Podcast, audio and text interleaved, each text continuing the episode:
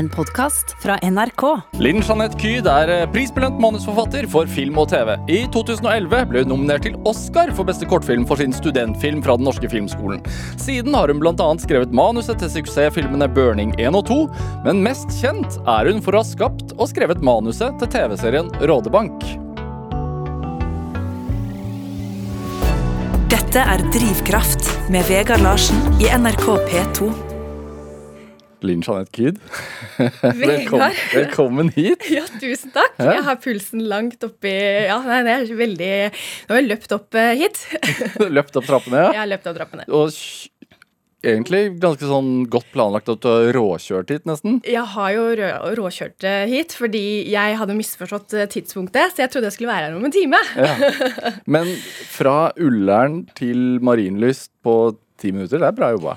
Ja, eh, det var flaks at mannen min var hjemme. Han har eh, utrykningslappen, så da, da gikk det unna.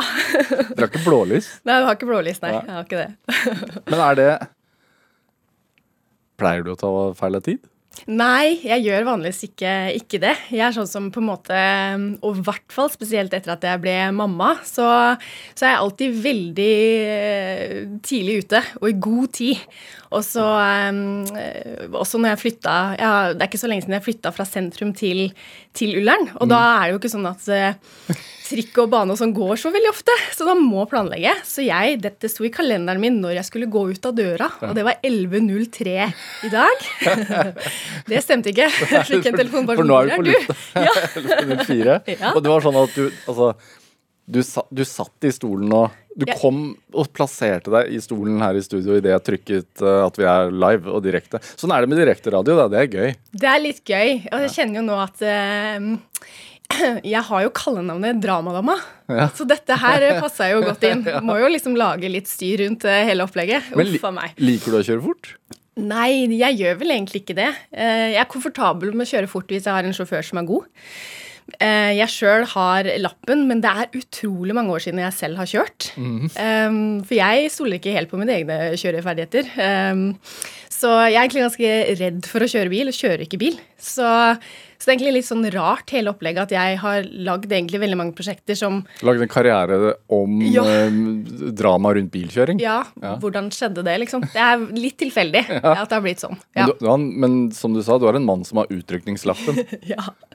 ja. så han kan kjøre bil. Han kan kjøre bil, Ja. så, men vanligvis så kjører vi veldig pent og rolig, altså. Ja, så, ja. mm. um, altså det ble en litt annen start på dette programmet. Jeg satt her, jeg skulle egentlig fyre i gang Michael Jackson, for jeg trodde ikke du kom til å rekke det. Men ehm, Rådebank eh, sesong tre ferdig. Siste episode er sendt. Um, er det deilig? Nå, å, nå kjenner jeg at jeg begynner å lande og syns det er godt.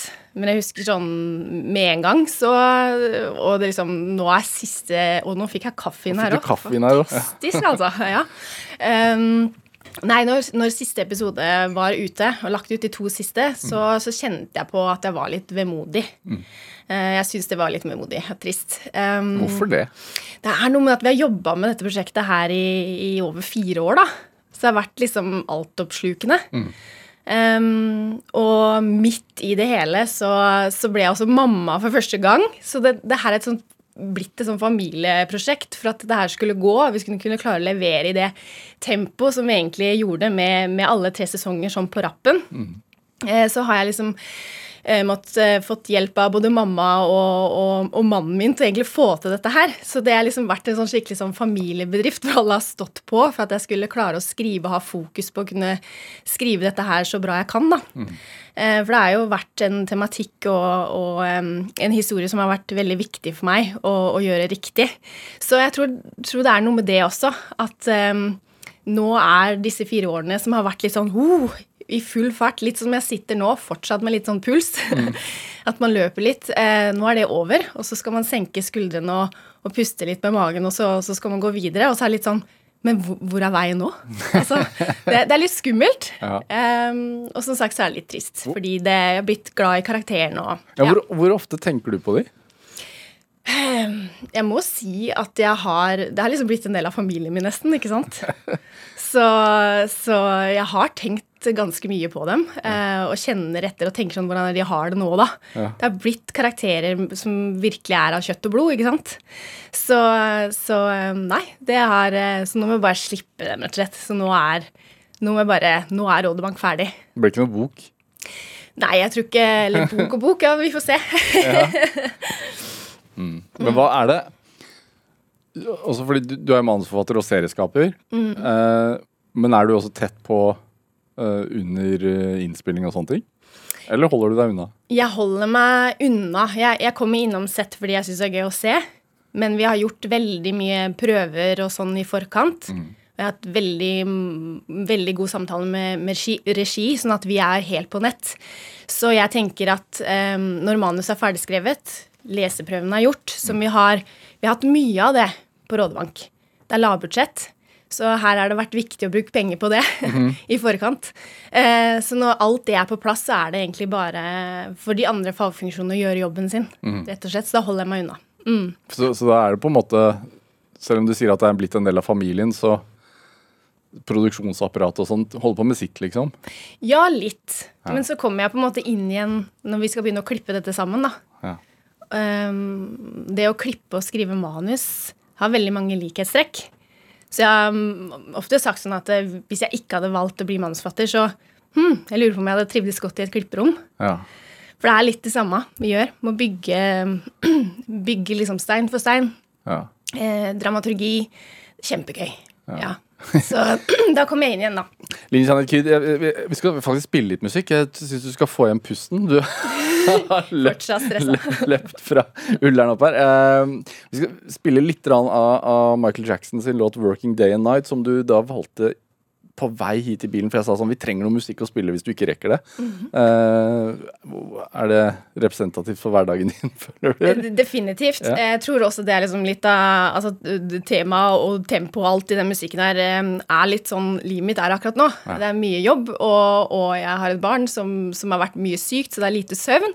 Så, så da er det, det er litt sånn stress og tjohei. Så det, også er jeg, og har vært veldig lenge Michael Jackson-fan, så da følte jeg det passa. Ja, vi, vi hører litt.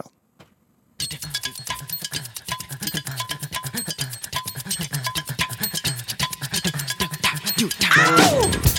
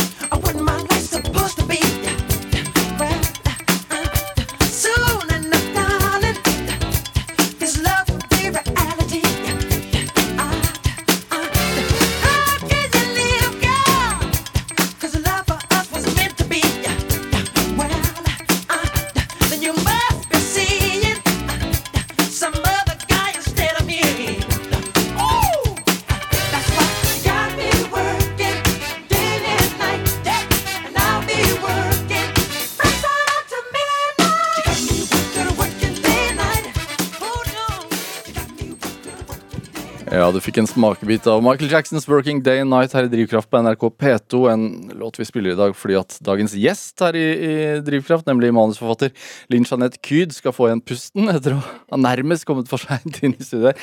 Eh, altså eh, Rådebank, eh, gått tre sesonger på NRK, blitt en kjempesuksess. Eh, handler om rånemiljøet på Bø. Eh, men det er liksom det overordna.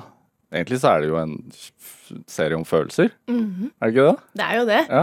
Vi følger en, eh, en gjeng ungdommer som, eh, som går igjennom eh, en del ting i livet som jeg tror vi alle har kjent på, eller skal igjennom. Så det er, jo, det er jo en universell historie, dette her. Ja. Som sikkert egentlig kunne vært lagt i et hvilket som helst ungdomsmiljø. Men vi valgte disse rånerne fra Bø. em, og hadde lyst til å dypdykke litt ned i hvordan det er å være dem, da. Og det er jo eh, Vi har gjort masse research så, og fått tilbakemeldinger på at eh, rånmiljøet i Bø kjenner seg igjen, da. Ja, for du har gjort grundig research. Veldig Reist og møtt møtt dem, eh, snakka med dem. Eh, vi har også lagd en, eh, en fokusgruppe etter hvert på, som vi hadde på Facebook, som var en lokka gruppe. Hvor da rånemiljøet var eh, en del av det. Sånn at når jeg lurte på ting, så kunne jeg stille spørsmål der. Som for eksempel. Eh, hva slags drikke har dere på fest, eller hva slags musikk spiller dere når dere har kjærlighetssorg? Hvorfor er det viktig at det er tro mot altså virkeligheten?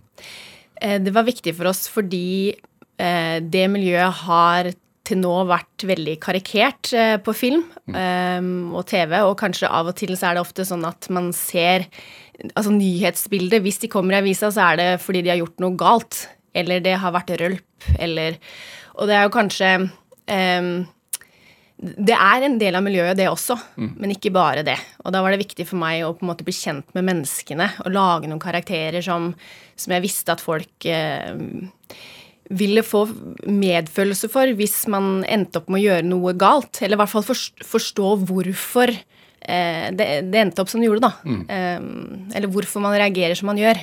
Hadde du noen sånn tagline til ideen i utgangspunktet? Altså sånn Altså, vi, jeg sa vel at det skulle være en kjærlighet til bygda. Eh, det sa jeg. Og at vi skulle ta rånerne på alvor. Eh, og det høres jo litt sånn rart ut, på en måte, men, eh, men eh, jeg har jo en, eh, en, en bror som var råner, eh, og veldig ofte så det bildet som er tegna av, av disse gutta, er veldig langt unna sånn som han oppførte seg og var, da. Ja, det er fra Ulefoss, da. Er ikke fra, er ikke fra Bø, men det er ganske likt Nabo- antageligvis. nabobygda. Mm, Nabobygda, ja. Men er det, som manusforfatter, er det en Hvorfor le... Altså, du har valgt rånerne, Mm. men er det altså, Hvorfor er det godt å ha en gruppe å gå ut ifra når man skal skape drama? Jeg tenker at i hvert fall i en TV-serie så er arenaen veldig viktig. Ja. Um, og jeg tenkte at det var spennende å ta utgangspunkt i et miljø som, som veldig mange kanskje har noen tanker om, noen fordommer om, men som kanskje ikke er sånn. Og så tenkte jeg også hvor ofte, hvor ofte ser man egentlig karakterer som jobber på et verksted? Eller eh, ja, eh, at man får sånne type yrker som, som ikke nødvendigvis bare er folk som jobber i den kreative bransjen, eller at man, man tilhører en by, eller Jeg tenkte bare det var litt sånn friskt og spennende også, og så vise noe som ikke mm, I hvert fall vi har sett på en stund, da. Eh, men alt dette her er jo ting man kan eh, snakke om og analysere sånn i ettertid, men men det starta jo med dette her at det var også eh, produksjonsselskapet Fenomen som i utgangspunktet hadde lyst til å lage en TV-serie, en komedie, på, på rånerne. Eh, og så ville de ha meg med på det. Sikkert fordi de hadde eh, fått med seg at jeg hadde vært med da, som en av flere forfattere på, på Burning. Eh, men også, som de sa, eh, du er den eneste manusforfatteren vi kjenner. det var jo et, et selskap som, som både har base i Telemark og i Oslo, og var på det tidspunktet hadde de heller ikke gjort eh, en, noen dramaproduksjon. Så det var nok litt tull, det, men, men, men det var i hvert fall de, de kom og oppsøkte meg, da. Eh, og da sammen diskuterte vi litt rundt på en måte Er det det vi skal gjøre nå? Skal vi virkelig lage en, en ny komedie? Skal vi lage det karikert? Nei, det, vi, vi skal faktisk ikke det. Og det, det var jo også rot i det fra at jeg begynte å fortelle noen historier fra min egen oppvekst, da. Em, som var veldig annerledes og langt fra det de hadde i utgangspunktet sett for seg, da. Hvilke historier var det som du hadde med i bakhodet? Nei, da var det på en måte bare litt sånn For eksempel da et bilde av eh, broren min. For eksempel at han Hva er det han brukte mesteparten av tida si på? Det var jo å skru bil hjemme i hagen vår. Som til tider så ut som en sånn bilkirkegård. Fordi at han, han jobba, og alle pengene brukte han på å kjøpe sånn derre eh, bilvrak for å få deler til drømmebilen sin. Han bygde en bil sånn helt fra bånn av. Og, og han lakkerte den og brukte penger på den som skulle bli fin, sånn at det, han kunne vise fram denne bilen her da på en sånn messe etter hvert. ikke sant? Så stoltheten og til hobbyen sin og bilen, da. Eh, og for meg var det ikke sånn at de råkjørte så mye rundt. altså Det var jo enkelte som gjorde det i det miljøet også, men, men det handla veldig mye å ha et sted å høre til, da. Eh, og så som, Nå skal jeg ikke snakke så, så mye om broren min, men, men for han var det jo et sted hvor han kunne være seg selv. Eh, og han hadde et litt sånn leit møte med skolen i starten fordi at han hadde veldig dysleksi uh, og sleit med sånne ting. Så han fant liksom ikke helt plassen sin. Men kunne være i et miljø som, som tok imot han uansett hvordan eh, det gikk på skolen. Og at han hadde mestringsfølelse når han da bygde en bil fra bånn av. Det syns jeg var skikkelig flott å se. Og jeg tror på en måte, når vi hadde disse samtalene, så, så forsto vi veldig kjapt at her er det jo en interessant historie å fortelle. Ja. Tenkte du det som ung? Jeg tror ikke jeg tenkte det som ung. Jeg, jeg, det er som jeg sier, jeg sitter nå og analyserer. Mm. Men fordi jeg fikk den ballen i fanget, da. Vi skal lage en komedie på, på Og da var det snakk om det store råneroppgjøret i Notodden, som var en sånn svær greie for noen år tilbake. Som, som Ja, det er, er hendelser som man kan le av. Og det var voldsomme greier, og det hadde sikkert blitt en fin komedie. Men som sagt så, så fins det veldig mye annet man kan ta tak i da, enn en akkurat denne komiske biten, da. Hva syns han om sluttproduktet? Broren min, Ja. Han, eh, han er en, eh, en fyr med, med, som ikke snakker så mye, men han har uttrykt at han syns at det er veldig fint. Og han også er veldig takknemlig for at de har tatt opp tematikken, eh, rett og slett. Så, så eh, han, han er veldig Han er vel stolt av å ha vært med på dette, har han uttrykt uten å si det rett ut, da. Mm. Eh, også, hvordan Når du jobber som manusforfatter og skal skape en TV-serie, så blir du jo flink til å manipulere følelsene våre, altså seerne sine. Ja, det er vel Er det det jeg gjør? Ja, det er, Er det ikke det du gjør, da? Det er jo det jeg gjør. Um, men jeg tror Altså, når jeg sitter og skriver, Ja. så, så er det litt sånn at det er veldig viktig for meg at jeg føler det sjøl. Mm. Um, og jeg leiter gjerne etter historier som jeg kjenner i magen, da. Så, så ja, eh, så jobber jeg med det og prøver å sette meg inn i karakterene, sånn at jeg sjøl på en måte nesten ender opp med å sitte og grine. Så det har vært- deler av Rådebank som har vært veldig vanskelig for meg å skrive, fordi det har vært så slitsomt. Som for eksempel. Eh, nei, egentlig bare gå inn i vond kjærlighetssorg. Altså hente opp ting man kanskje har opplevd selv. Eh, og da tenker jeg kanskje spesielt på sesong to, hvor det er en, en eh, At Sivert, unge Sivert ender opp med å ta, ta livet sitt. Altså, jeg er sjøl etterlatt. Og det å på en måte skildre troverdig hvordan det er å være pårørende, og hvordan det er å ha opplevd noe sånt som ja, det, det har vært Jeg har kjent det skikkelig i magen og hatt mange dager hvor jeg har hatt en sånn ekkel følelse av at ting er litt kjipt. Em, så, så jeg har veldig brukt eh, Jeg har brukt meg selv, da, for å si det sånn. Hvor skummelt er det? Det er jo veldig skummelt, for man føler seg ganske naken. Em, og så vet jeg jo at når sluttproduktet kommer, så tror jeg ikke nødvendigvis folk tenker på det. Men nå sitter jeg og forteller det, da. At nesten uansett når jeg skriver, om folk tar det seriøst eller ikke, så er det, er det en bit av, av Linn inni dette her. Altså, jeg har kjent og følt på det. Eh, man snakker jo om sånn der method eh, acting. Jeg føler noen ganger at jeg sitter der og virkelig kjenner det med magen. Da. Og det, jeg tror folk kan se det litt på de som har lest manusene mine også.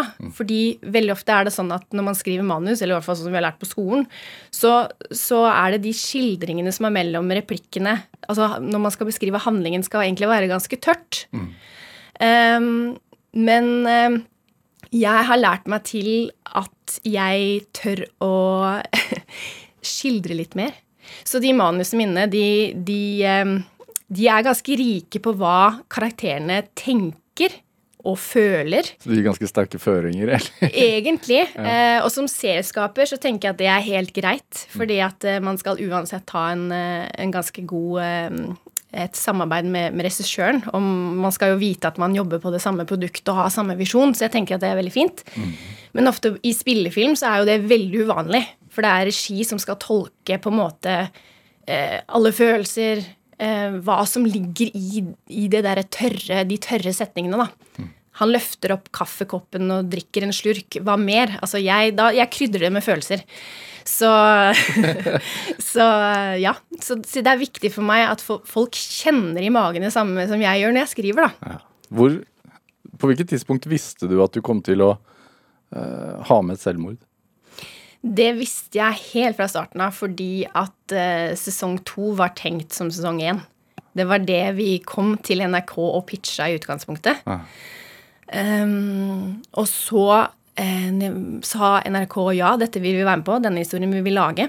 Uh, og så kjente jeg bare at oi, oi, oi, vi skal lage dette her, og følte på en enorm Jeg hadde, følte veldig stort ansvar for å gjøre dette her riktig. Så, så eh, da ble det sånn at det endte opp med at vi faktisk startet historien et helt annet sted. Um, ene, ene var at jeg tenkte det var viktig at, at um, publikum, publikum skulle få lov til å bli kjent med karakterene, sånn at man, det virkelig smalt i magen når en av de karakterene som man har blitt glad i, plutselig forsvinner så brått. Det er litt sånn det føles når man mister noen til selvmord.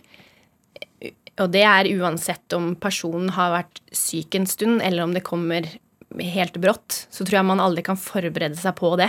Man tror ikke at noe sånt vil skje. I hvert fall kjente ikke jeg, jeg visste at det kunne skje med pappa. Han var jo syk i, i mange år. Han var, eh, han eh, var manisk depressiv, som det het en gang. Eh, Eller bipolar lidelse, som man sier nå. Men det var et sjokk for meg når, når det skjedde. Og det var viktig for meg at folk skulle kjenne igjen det, da, når, når Sivert da valgte å ta livet sitt. Ehm, og jeg visste jo at det ville komme reaksjoner på det, og etter sesong én òg, så var det jo Jeg så det på Vi fikk meldinger, og det var flere på Twitter som også skrev som Å, alle skulle hatt en Sivert i livet sitt. Og da tenkte jeg uff a meg, dette her kommer til å smelle. Så for han i sesong én er jo han den som, som virkelig løfter opp eh, Støtten, rett og slett? støtten, og han som på en måte gjør at livet kan gå videre for bestekompisen sin, da. Er det Hvilke tilbakemeldinger fikk dere? For du fikk ganske mye tilbakemeldinger på, på at dere turte å gjøre det. Ja, vi, det var enormt eh, med tilbakemeldinger, og det, det er egentlig noe som har fortsatt helt fram til nå. Ehm, det er eh, pårørende etterlatte som har eh, takka fordi vi har tatt opp tematikken. Det er folk som, som sier at de sliter selv, som har innsett at de trenger å oppsøke hjelp. Eh, noe som gjør at jeg, jeg kjenner jeg får helt gåsehud, for det var jo Jeg skal være ærlig på det, at, at det var et hårete mål som vi satte oss når vi først skulle lage dette her. At det var viktig for oss å treffe en, en målgruppe. Den unge mannen, sa vi at vi skulle treffe. 20 år på bygda. Altså det er smalt, smal målgruppe. Og hvis vi bare kan treffe én av disse her som sliter litt, som kan forstå at det, det er mulig å oppsøke hjelp, så, så har vi på en måte gjort det vi skal.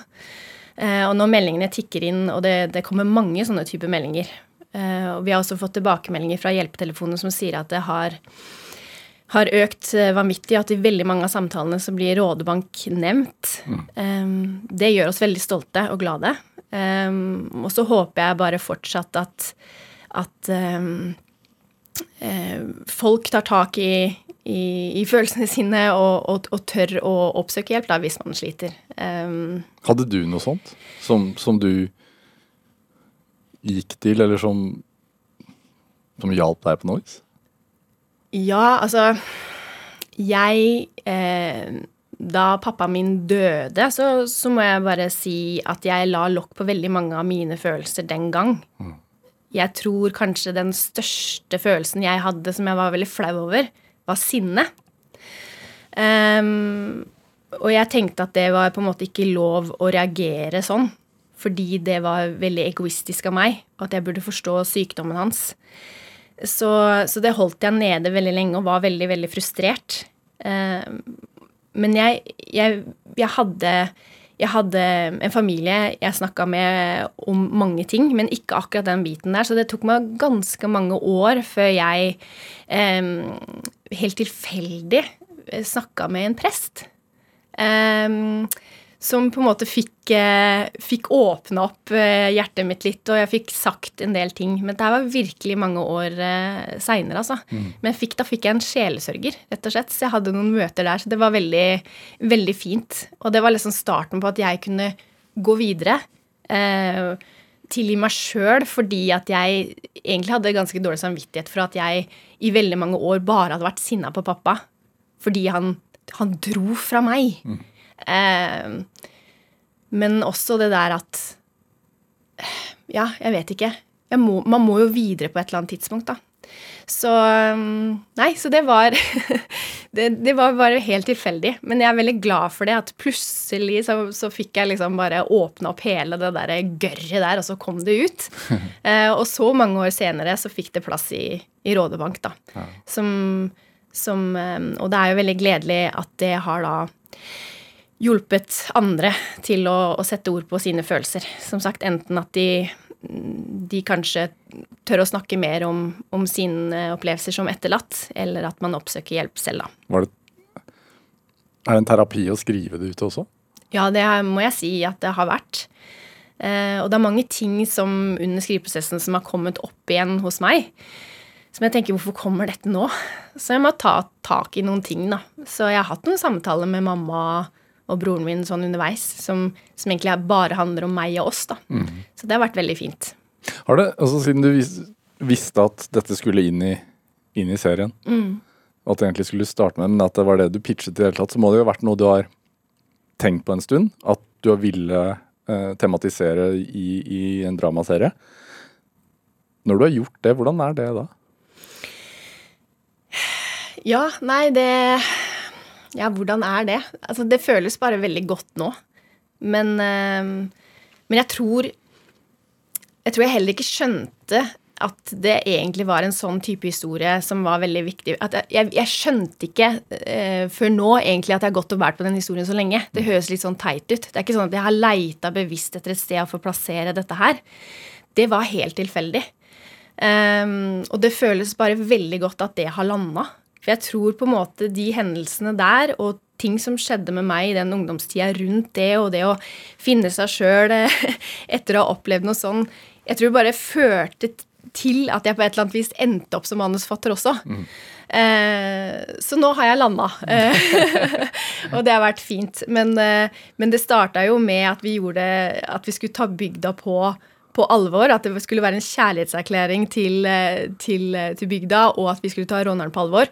Og så gjorde vi litt research på den unge mannen, og da så vi jo det at um, at uh, tall viste at det er den største dødsårsaken i, i Norge blant unge menn. Noe som gjorde meg veldig sjokkert, fordi um, jeg burde jo ha visst dette, og da føltes det bare helt naturlig at eh, nå har jeg sjansen til å eh, løfte fram den tematikken, da. Så, så de var jo veldig gradvis. Det var ikke sånn at jeg bare visste at akkurat dette prosjektet skulle handle om mental helse. Det starta et helt annet sted. Det er jo øh, det som slår meg med Rådebank, øh, hvis man ser på sesong én, da, øh, som ikke tar opp den tematikken egentlig, men som også handler om å ikke akkurat være åpen om følelsene sine, eh, så er det at du veldig kjapt klarer å bygge eh, hele karakterer, altså helt troverdige uh, mennesker, da. Er det Har du triks? Altså, hva, hva, hva er knepet?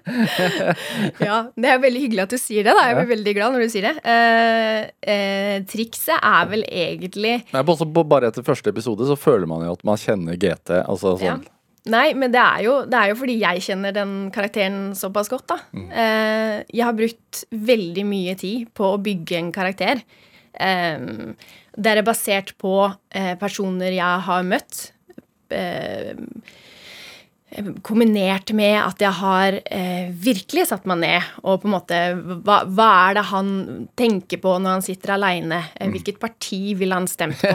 altså, det er veldig, veldig viktig, tenker jeg, at når, og spesielt i, i TV-serier, eh, at man kjenner karakterene sine så godt at eh, Jeg husker jeg hadde en lærer på, på filmskolen som sa Eh, og det har jeg virkelig tatt til meg. Da. Han sa sånn at du skal kjenne karakteren din så godt at hvis du prøver deg på noe som er sånn plottbasert, bare sånn stikker hånda i lufta og tenker sånn Og det hadde vært sykt fett hvis han bare gjorde det. Ja.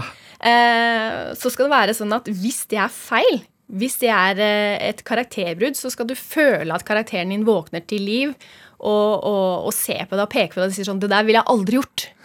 Eh, og når du har kommet dit, tenker jeg, så, så, så har man noen karakterer av kjøtt og blod. Og jeg tror det er liksom det eh, du opplever, da, egentlig, når du sier at du, du kjenner GT allerede, og, og gutta liksom etter første episode av sesong én. Ja. Det er fordi at vi alle vet hvem disse folka er. Og så handler det jo om den følelsen i livet hvor man føler kanskje aller sterkest også. Ja, nettopp. Det er jo det. Og det er jo det folk sier også, at, at de kjenner seg jo igjen dette her. Og det er jo noe som alle skal, skal gå igjen i. Det er jo universelle følelser og, og opplevelser. Som, sånn er livet, eh, rett og slett. Er det, er det barndomsvenner av deg og sånne som har tatt kontakt, eh, eller, eller hva har de sagt? Eh, jeg skal innrømme at det er en god venninne av meg som, som Nå har jo det blitt justert etter hvert, da, men etter første sesong så, så, så sa hun sånn Du, hun Ine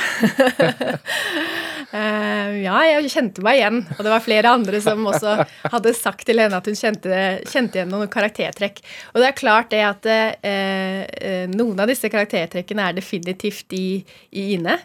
Um, men det er så mange andre også. Så, så det er ikke basert på, på, på enkeltpersoner. Det er mange personer jeg har møtt gjennom livet. Og selvfølgelig også eh, når jeg har gjort eh, research i Bø, så, så er det en del av disse som jeg har blitt kommet ekstra under huden på. Som, som på en måte har gitt mye mat til de ulike karakterene, da. Hvem var mest lik deg, da? Oi, oi, oi. Vet du hva, jeg tror det er en god blanding av eh, Ine og Hege. det er biter av meg begge, begge to. Så, men, men den derre Det er veldig mange som har sagt at de ikke har helt skjønt eh, liksom eh, følelsesmønsteret til, til Hege. Eh, og syns at hun kanskje reagerte litt rart når hun opplevde at Sivert tok eh, livet av seg. Det er, det er meg. Det Sånn Det var min prosess. Jeg var først og fremst sint og fortvila. Eh, og oppførte meg nok litt rart rett etterpå. Eh, og det var viktig for meg å vise det. Jeg skjønte jo i ettertid at det også var en helt naturlig sorgprosess. Og helt vanlig å kjenne på de følelsene. Fins ikke noe fasit på Det hvordan man skal reagere. fins reagere. ingen fasit, og det kan også være sånn, og det tar vi også opp i sesong tre. Da har det gått to år, og de aller fleste har gått videre i livet sitt. Mm. Men Glenn Tore kjenner fortsatt på eh, noen ganske voldsomme følelser. Og det òg kan jeg si at sånn var det litt for meg. Jeg klarte meg relativt greit, spesielt det første året. Ehm, bortsett fra at jeg var litt sinna, da. Som jeg trykte De følelsene trykte jeg godt ned. Men så, så Året etter så smalt det for meg. Og da skjedde det masse. Altså sånn Jeg ble sliten, og, og jeg merka liksom at um, plutselig begynte håret å falle av. Jeg drev og sang på det tidspunktet. Jeg var, hadde alltid vondt i halsen. Det var akkurat sånn hele kroppen min saboterte, da. Og det var helt umulig for meg å skjønne at det her hadde kanskje noe med at jeg hadde mista pappaen min å gjøre. Eh, og de rundt og tenkte sånn Herlighet, hva er det for noe med Linn? Altså, hun har jo gått, kommet seg så fint videre. Hva er det med deg nå? Og så var det bare at den sorg, sorgen kom og banka på så mye seinere, da. Kroppen din var i, var i sorg eller gikk gjennom en Ja, nemlig. Mm. Um, Linn Jeanette Kyd, vi skal spille litt musikk. Mm. Um, egentlig den låta du egentlig hadde med, eh, nemlig 'Bergrosa' av Sven Nyhus kvartett. Hvorfor det? Jeg vokste opp i en heim hvor jeg hadde besteforeldrene mine som, som bodde i eh, andre etasje. Um, og eh, det, det var Altså, de var veldig, de var veldig kristne. og de var kristne på en sånn måte som eh, gjorde at de sa at det var, det var synd å danse. Det kunne være synd å sminke seg og sånne ting. Eh, men det jeg syntes var veldig fascinerende, var at eh, veldig ofte når jeg satt der oppe hos dem, eh, og de satt eh, ved kjøkkenbordet og spiste eh, frokosten sin, som gjerne da kunne være eh, hjemmelaga lyst brød eh, med tykt lag med smør eh, og kanskje sirup på, eller sukker. altså det var det. Eh, og jeg var jo så sykt heldig å få en brødskive av det. Det var jo som å spise godteri. Eh, og det kom musikk på radioen som snakka til dem. Så var det akkurat som, som hele kroppen dansa med. Og de kosa seg så veldig i hver sin lille vals på hver sin side av det der eh, kjøkkenbordet. Eh, men nei da, dansing skulle Det, det var synd. Men jeg syns bare det var veldig, veldig fascinerende. Og for meg er den låta jeg vet ikke, jeg bare ser dem for dem for meg, der de sitter i, i stillhet egentlig og tenker sitt. Og bestefar han heller, heller kaffe på skåla si fordi at han likte å drikke kaffen nesten eh, kald. eh, slurper i seg kaffen i valsen. Så, så dette her er et eh, barndomsminne fra, fra, fra Ulefoss, rett og slett.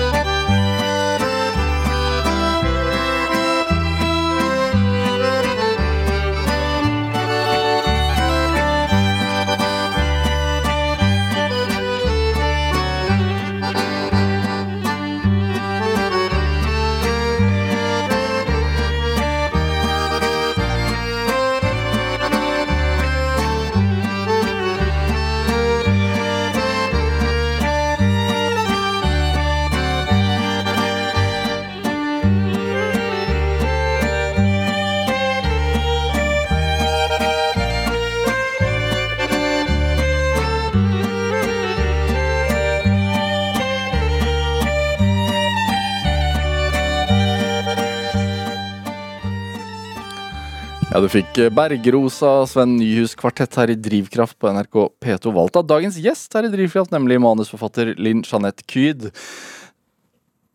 Ulefoss. U Ulefoss? Ulefoss, ja. Ulefoss, ja. Eh, hvor, hvor, hva slags plass er det? Det er et uh, bitte lite sted som jeg tror de aller fleste bare kjører forbi. enten hvis man er på vei til, til Bø eller Skien. Føltes, føl, altså, føltes det sånn da du var ung? Ja, lite grann. Ja. Det gjorde det. Men jeg er veldig veldig glad i Ulefoss, og det som er positivt med Ulefoss, er jo, er jo eh, at alle kjenner alle, da. Et utrolig lite sted. Ehm, så altså, det kan også være negativt, altså. Hvis, eh, fordi alle vet jo alt hva alle holder på med. Ja. Men, eh, men sånn som jeg opplevde det, hvis det skjer ting, eller så støtter folk hverandre opp og Så da du gikk ut av filmskolen på Lillehammer og ble nominert til Oscar for kortfilm, Det- Da, da vis, da visste bygda det. Yes, og da var det stor stas, og da, da inviterte de Da, fikk jeg eh, faktisk i gave et, et, et, em, eh, kort som sier at jeg kan komme gratis på, på kinoen i Ulefoss sa, og ta med meg en annen person for resten av livet. Er det sant? Så det er helt fantastisk. uh, nei, så det, det er et veldig fint sted. Og vi Det er jo en gammel, gammel industribygg, da. Eh, samtidig som den har vel vet ikke om det fortsatt stemmer det, så, så til meg hvis jeg sier feil, men det er vel en Telemarks største gård, altså Holla gård, med masse jorder. Og så har du Cappelen og, og Jernverket som lager kumlokk. Ja. Så det er en sånn herlig kombinasjon da, liksom eh, jorder og, og industri. Vokste du opp på gård? Jeg vokste ikke opp på gård, men, eh, men det huset som jeg vokste opp på, eh, hadde en veldig stor hage, og det var en gang eh, en gård. Ja. Og, og alt rundt var, um, var jorder. Så og min bestemor og bestefar de da drev en sånn liten gård, og jeg tror på en måte for, for bestefar sin del, da, eh, så, så var det alltid en sånn et savn, da. Så det var, vi, det var um, Poteter hadde vi i hagen. Altså de dyrka veldig mye i, i hagen. Em, brukte jorda. Eh, selv om vi bodde midt på et byggefelt. Vi hadde høner, selv om det sikkert ikke var lov. Masse kaniner. Eh, og et par bikkjer. Så eh, opplevdes litt som å bo på et lite småbruk, selv om det på ingen som helst måte var det da jeg vokste opp. da. Du, du er født i 81? Stemmer. Ja, så er like gammel som meg. Eh, hva, hva drømte du om på 80-tallet? Åh, eh, da drømte jeg om å bli Vokste opp med bare NRK, sikkert? På Ja, TV? og- ja. ja. Ja. Nei, da, da drømte jeg om å eh, Det er jo klisjeen, det. Eh, drømte om å bli Altså sangstjerne skulle jeg bli. Ja da. Så det, og det var jo på en måte dit både jeg og Det var jo synd. Ja, det var jo synd. Nei, men, nei, men det, var ikke, det var ikke helt det. skjønner du. Jeg, jeg opplevde aldri at bestemor og bestefar var strenge mot med meg og broren min. Men jeg vet at mamma hadde en litt annen oppvekst. Så, og det var litt interessant, for jeg husker at eh, jeg tok med meg mamma eh, på, eh, på kino en gang som hun var og besøkte meg, og da gikk vi på Colosseum. Og hun hadde en hun, altså, På det tidspunktet her, det her er jo ikke så mange år siden, så, så hadde hun nesten ikke vært på kino. Og når hun kom da inn i Colosseum hun, hun fikk frysninger over hele kroppen og ble helt sånn rørt. Og det var sånn stort øyeblikk for mamma. Og hun følte seg litt gæren fordi at hun skulle på, på kino. Eh, så, så hun hadde en litt annen eh, Litt strengere oppvekst kan du si da, enn en, en det jeg hadde. Og det er litt rart å tenke på, for det er jo ikke så lenge siden. Så, så jeg er jo da vokst opp i en heim hvor det har vært ganske sånne strenge, tradisjonelle tanker om ting, samtidig som på en måte det likevel stoppa hos mamma da, og pappa. Jeg har fått lov å holde på, og de har eh, både med sang og dans, og de har heia veldig på meg. Eh, så, um, og det gjorde de jo. Jeg, jeg trodde jo som sagt skulle, at det var det jeg skulle bli når jeg ble stor. Sangstjerne. Og vi jobba vel ganske eh, mot det målet der, hele familien min også, så jeg var jo med på en del ting. Som barn. Forskjellige sånne type grupper som var, reiste rundt og sang. Hvem var forbildet? Da, eh, på det tidspunktet der, så var det en blanding av Carola og så barnestjerna Jannicke. Jannicke Irvin Abrahamsen. Eh, og sistnevnte var jeg så heldig å få lov til å være med eh, og opptre sammen med. Eh, så jeg har vært på to norgesturneer sammen med henne som korist og scenedanser. Eh, så det har vært stort. Og da var det sånn vi opptrådde på ganske store scener rundt forbi, og det var spesielt gøy når vi var oppe i Nord-Norge på sånne små plasser. Eh, som gjerne hadde litt sånn store arrangement, da. Så det har vel hendt at vi har liksom vært oppvarmingsbandet til DDE og sånn, da. og bodde på hotell og sånn da når jeg var ti år og Ja, nei, jeg syns det, er- det er veldig rart å tenke på den tida nå. Var mye borte fra, fra skolen, og vi, vi, vi dro rundt over hele, hele landet. Det er veldig mange steder jeg har vært da, som, som barn. Men, og det hadde også ganske mye å si for, for oppveksten min og, og sommerferien og sånn, for det, det ble en sånn liten familiebedrift, det greiene her, skjønner du. Fordi eh, eh, på sommeren så, så, så gjorde vi sånn at det var pappa som gjerne kjørte meg dit vi skulle opptre. Eh, hvis det var mulig å kjøre dit. Og da ble hele familien med. Så broren min og mamma og pappa og jeg, vi var liksom eh, på norgesturné på somrene. hvor jeg da gjerne skulle opptre med en sang eller to på en scene, eller kanskje stå og kore for Jannicke. Og så gjorde vi noe hyggelig sammen etterpå. Så det ble en sånn liten, lite prosjekt, dette greiene her, Ja. da, som alle var involvert i. Ja. Men skrivebords altså sitte bak en, en laptop og skrive er en ganske stor kontrast da, til å stå på en scene og synge. ja, noe voldsomt. Det er jo virkelig stikk motsatt. Ja. Um, og jeg har jo gradvis um, skjønt at uh, det å liksom egentlig ha søkelyset retta mot meg, og det også på scenen, det, det, det er ikke det jeg skal. Jeg trives faktisk aller best bak uh, Altså jeg og jeg, altså Når folk spør hvor er du skriver hen, så sier jeg gjerne helt bøttekott uten vinduer. Jeg syns det er utrolig behagelig å få lov til å være aleine. Jeg trives godt i mitt eget selskap. Å kunne høre mine egne tanker og, og kose meg med det og dikte. Har du Så- noen rutiner du må gjøre for å komme i en sånn skriveprosess, altså skrivefokus? Det er som sagt i hvert fall å prøve å ha det uh, så privat som mulig. Ehm, jeg kan til og med ha en sånn greie på at hvis jeg sitter og skriver i et rom, og døra er rett bak meg, så kan jeg bli litt sånn stressa. uh, så jeg må liksom sørge for at uh, jeg sitter riktig i rommet, um, at det føles bare veldig privat. Og jeg tror det er litt fordi, sånn som jeg snakka om i stad, at uansett hva jeg skriver, så byr jeg på meg sjøl. Eh, og av og til tenker man veldig mange ting og tang og rare tanker som man kanskje sånn innerst inne er litt flau over. Eh, da føles det bare litt sånn merkelig hvis veldig mange skal liksom være en del av det og se for meg holde på å kåle rundt i det der rare hodet mitt med de rare ideene mine. Så det, så det liker jeg å liksom gjemme meg litt vekk og kose meg med aleine før jeg liksom viser det til noen, da. Men det, så vidt jeg forsto, så lå det ikke i kortene at du egentlig skulle jobbe, altså, jobbe av å skrive. Nei, overhodet ikke. Kjære vene. Eh, Jeg, eh, jeg var en sånn som sleit med å lese og skrive på skolen, jeg. Eh, Og eh, selv om jeg på en måte hadde et hode som likte å fortelle historier Jeg var veldig ofte oppe hos eh, i andre etasje hos bestemor, da. eh, Og dikta historier, eller lagde dikt sammen med henne. Og hun oppmuntra meg veldig og sa sånn 'Å, du skulle vært forfatter'. så syns jeg det var liksom Det var veldig kult at hun sa det, men samtidig så, så visste jeg at det kunne jo ikke skje. Jeg som når jeg skrev stile på skolen eller leverte inn ting, så fikk jeg hele teksten min tilbake, og så var det fullt av sånne røde streker. Ja. Um, noen av lærerne var flinke til å si sånn Hadde du fått uh, karakter på innholdet, så, så hadde du fått en god karakter, altså. Men, men det var veldig skamfullt. Det der er nesten sånn Du tar imot det arket og har bare lyst til å snu det med en gang, og ikke vise til alle andre hvor, hvor uh, rødt uh, og full av feil det er, da. Eh, så det brukte jeg veldig lang tid på å bare egentlig Altså Den selvtilliten på skriving har ikke kommet enkelt da for meg. Um, og det var som sagt sang og musikk jeg skulle holde på med. Um, men så var det litt sånn Men Var det sånn at du grudde deg til å lese høyt? Ja, det var helt forferdelig. Um, og jeg husker i starten når man skulle lære å lese, så så var jeg veldig god på å lære ting helt utenat. Eh, når det var enkle tekster, så var jo ikke det noe problem.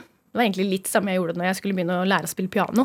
For jeg syntes det var veldig vanskelig å lære noter også. Eh, og tall sleit jeg litt med også, så det, så det vet ikke, det, det balla seg på, det greiene her. Men, men da lærte jeg meg teksten utenat og sto veldig sånn der rett i ryggen og leste, eh, trodde alle, da. Og så var det bare at jeg hadde, hadde lært det utenat. Ja. Altså Barn finner kjapt overlevelsesmekanismer. Nemlig.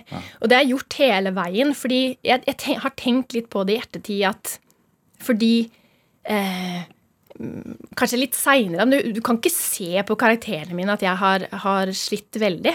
Men jeg har jobba enormt hardt, for, for det har vært viktig for meg å få gode karakterer. Og jeg har bare funnet mine systemer for å få det til på et eller annet vis. da. Eh, og det å liksom eh, Nå skal det sies at det finnes jo forskjellige grader av dysleksi. eh, og jeg fikk aldri diagnosen dysleksi. Broren min igjen, da, han er det ikke noe tvil om. Altså, han er, var og er mye verre enn jeg noen gang har vært, på en måte. Eh, jeg syns det var vanskelig. Leste veldig sakte. Skrev Klarte ikke å skrive korrekt. Men, men, men med noen teknikker og med at jeg har jobba veldig, veldig hardt, så har det løst seg. For andre er jo ikke det mulig. Men opplevde du at det var opp til deg selv? Um, ja, i den forstand at jeg satte meg ned og ga meg ikke. Ikke sant? Um, jeg kunne fort ha sagt at det er greit nok, men jeg syns den følelsen av å ikke klare å henge med i timen, den syns jeg var så forferdelig. Jeg tror det henger med at jeg har også bare, jeg er født med et eller annet sånn konkurranseinstinkt som bare gjør at jeg skal få det til. Ja. Uh, og igjen, det blir på en måte litt feil, uh, fordi det er ikke alltid man kan noe for disse tingene her. Og for meg var det åpenbart at jeg måtte bare jobbe meg fram til et visst punkt, og så løsna ting for meg. Eh, så, så når jeg kom på, på videregående, så hadde egentlig eh, Jeg tror mamma hadde fått høre av eh, Ikke tror, men mamma fortalte meg i ettertid at læreren hadde sagt sånn at Oi, hun kommer til å slite på videregående fordi hun leser så sakte. Det blir vanskelig for henne nå når pensumet øker. Det sa jo mamma aldri til meg, men, men, eh, men jeg merka det jo selv. Og da Jeg har bare brukt veldig, veldig mye mer tid på lekser og det å jobbe meg gjennom ting enn det jeg tror mine klassekamerater trengte å gjøre. da. Eh, og det var bare viktig for meg, så det var et valg jeg tok, eh, rett og slett. Og så etter hvert så, så løsna det mer og mer, da. Tvang deg til å jobbe hardt, med andre ord? Og så tvang deg til å bli mer hardtarbeidende og lære ting på en På en annen, annen måte. måte. Og for å huske ting, så husker jeg tegna, og det var ikke noe jeg hadde lært et sted, men jeg bare fant det ut av meg selv, da, fordi at jeg brukte så mye tid på det der skrive bak skrivepulten, som jeg fortsatt gjør, da. Det er jo en fordel, det at jeg har øvd meg på å holde ut sånne lange prosesser. Ja. Keep your ass on that chair. Det har jeg gjort i mange år, for å si det sånn. Eh, selv om det har vært andre oppgaver jeg har jobba med. Men, men bare det der at jeg husker jeg liksom Hvis jeg tegner en figur oppi hjørnet her i boka som er rød, og så under eh, prøva, da, så tenkte jeg liksom mer i farger, eller Og der var det en Det, det er den røde sida. Og så huska jeg mer av teksten. Så jeg bare gjorde sånne ting som det, da. Eh, Jobba meg fram til ulike sånne ting som jeg kunne gjøre for å huske bedre, eller bare henge med. Selv om det var liksom lettere for alle andre. Tror du det gjorde noe med fantasien din også? Eller har du alltid vært fylt med fantasi? Jeg tror nok jeg alltid har vært uh, fylt med fantasi. Uh, jeg tror til og med på et tidspunkt at det var litt sånn at man skulle stille spørsmålstegn med hva som foregikk oppi hodet mitt. For jeg husker at jeg var ek ekstremt fascinert av Den vesle vampyren. Det var en sånn bokserie som jeg lånte på biblioteket da jeg var liten, på barneskolen. Og selv om det var eh, vanskelig for meg å lese innholdet selv, så fikk jeg jo lest det opp. Eh, og jeg eh, jeg levde meg så inn i dette at i hvert friminutt på skolen så eh, la jeg meg i den store sandkassa hvor vi hadde strøsand til vinteren. Eh, Og lå oppi der, for det var kista mi.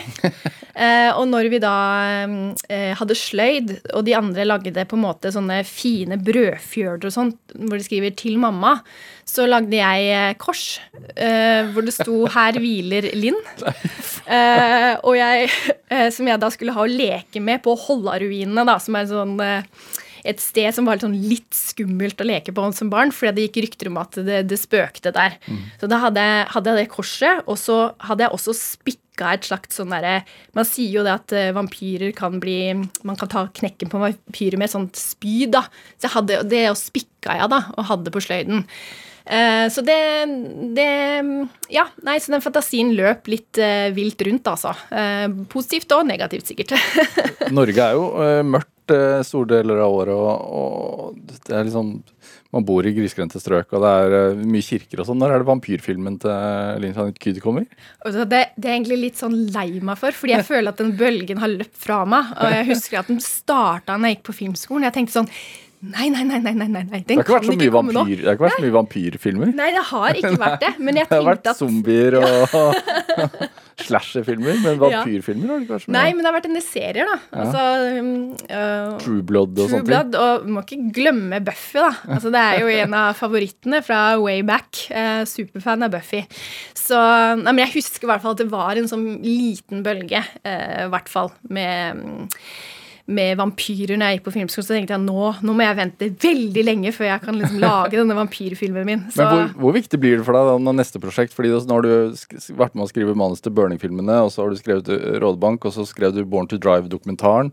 Uff, ja, det er mye greier. Hvor viktig er det for deg at det ikke blir bil neste gang? Altså, det er superviktig. Ja. Eh, også fordi at som sagt, det er litt sånn tilfeldig at eh, det er bil jeg har endt opp med å, å liksom eh, ha som en sånn fellesnevner gjennom så mange prosjekter. Um, og det er ganske komisk for de som kjenner meg. Jeg kjører som sagt ikke, ikke bil, og har ikke peiling på bil. Jeg skal være glad jeg har broren min, sånn at jeg kan ringe han og spørre når det er noen eh, tekniske ting jeg trenger å få svar på. Så det, det kommer ikke til å skje.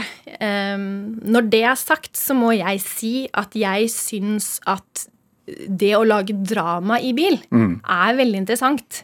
Fordi det er noe med det å ha det derre lokka rommet som enten kan være veldig sånn eh, befriende, at du er på veien, du er på vei et sted. Eh, det kan være privat, fint og romantisk, og det kan være alt. Samtidig som det kan være et lite fengsel hvor du må forholde deg til noen som du ikke kan rømme fra. Enten om det er en, en følelse av at du sitter med en person du, du ikke liker, som du er redd for, eller at du må ha en samtale da, som, eh, som, som man ikke har lyst til å ha.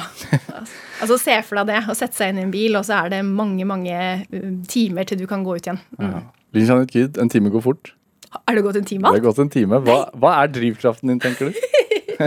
Det tror jeg på en måte må ligge i det jeg snakka om litt i stad. Det med at jeg er født med et eller annet konkurranseinstinkt som gjør at um, når jeg opplever at noe er en litt sånn umulig oppgave, så, så får jeg bare veldig lyst til å løse den. Så det derre blanke papiret, det, det er jo noe skumleste som fins i, i, i hele verden. Men for meg er det veldig da spennende å kunne se om jeg kan klare å fylle og lage noe ut av det blanke papiret. At det kanskje kan bli eh, en film eller en historie som kan berøre. For det også er veldig viktig for meg. Det må føles i magen. Tusen takk for at du kom til Drivkraft. Hør flere samtaler i Drivkraft på nrk.no eller i appen NRK Radio. Produsent i dag var Heidi Andersen, og Ellen Foss Sørensen bidro med research til denne sendingen. Dette var Drivkraft. Jeg heter Vegard Larsen. Vi høres. Du har hørt en podkast fra NRK. Hør flere podkaster og din NRK-kanal i appen NRK Radio.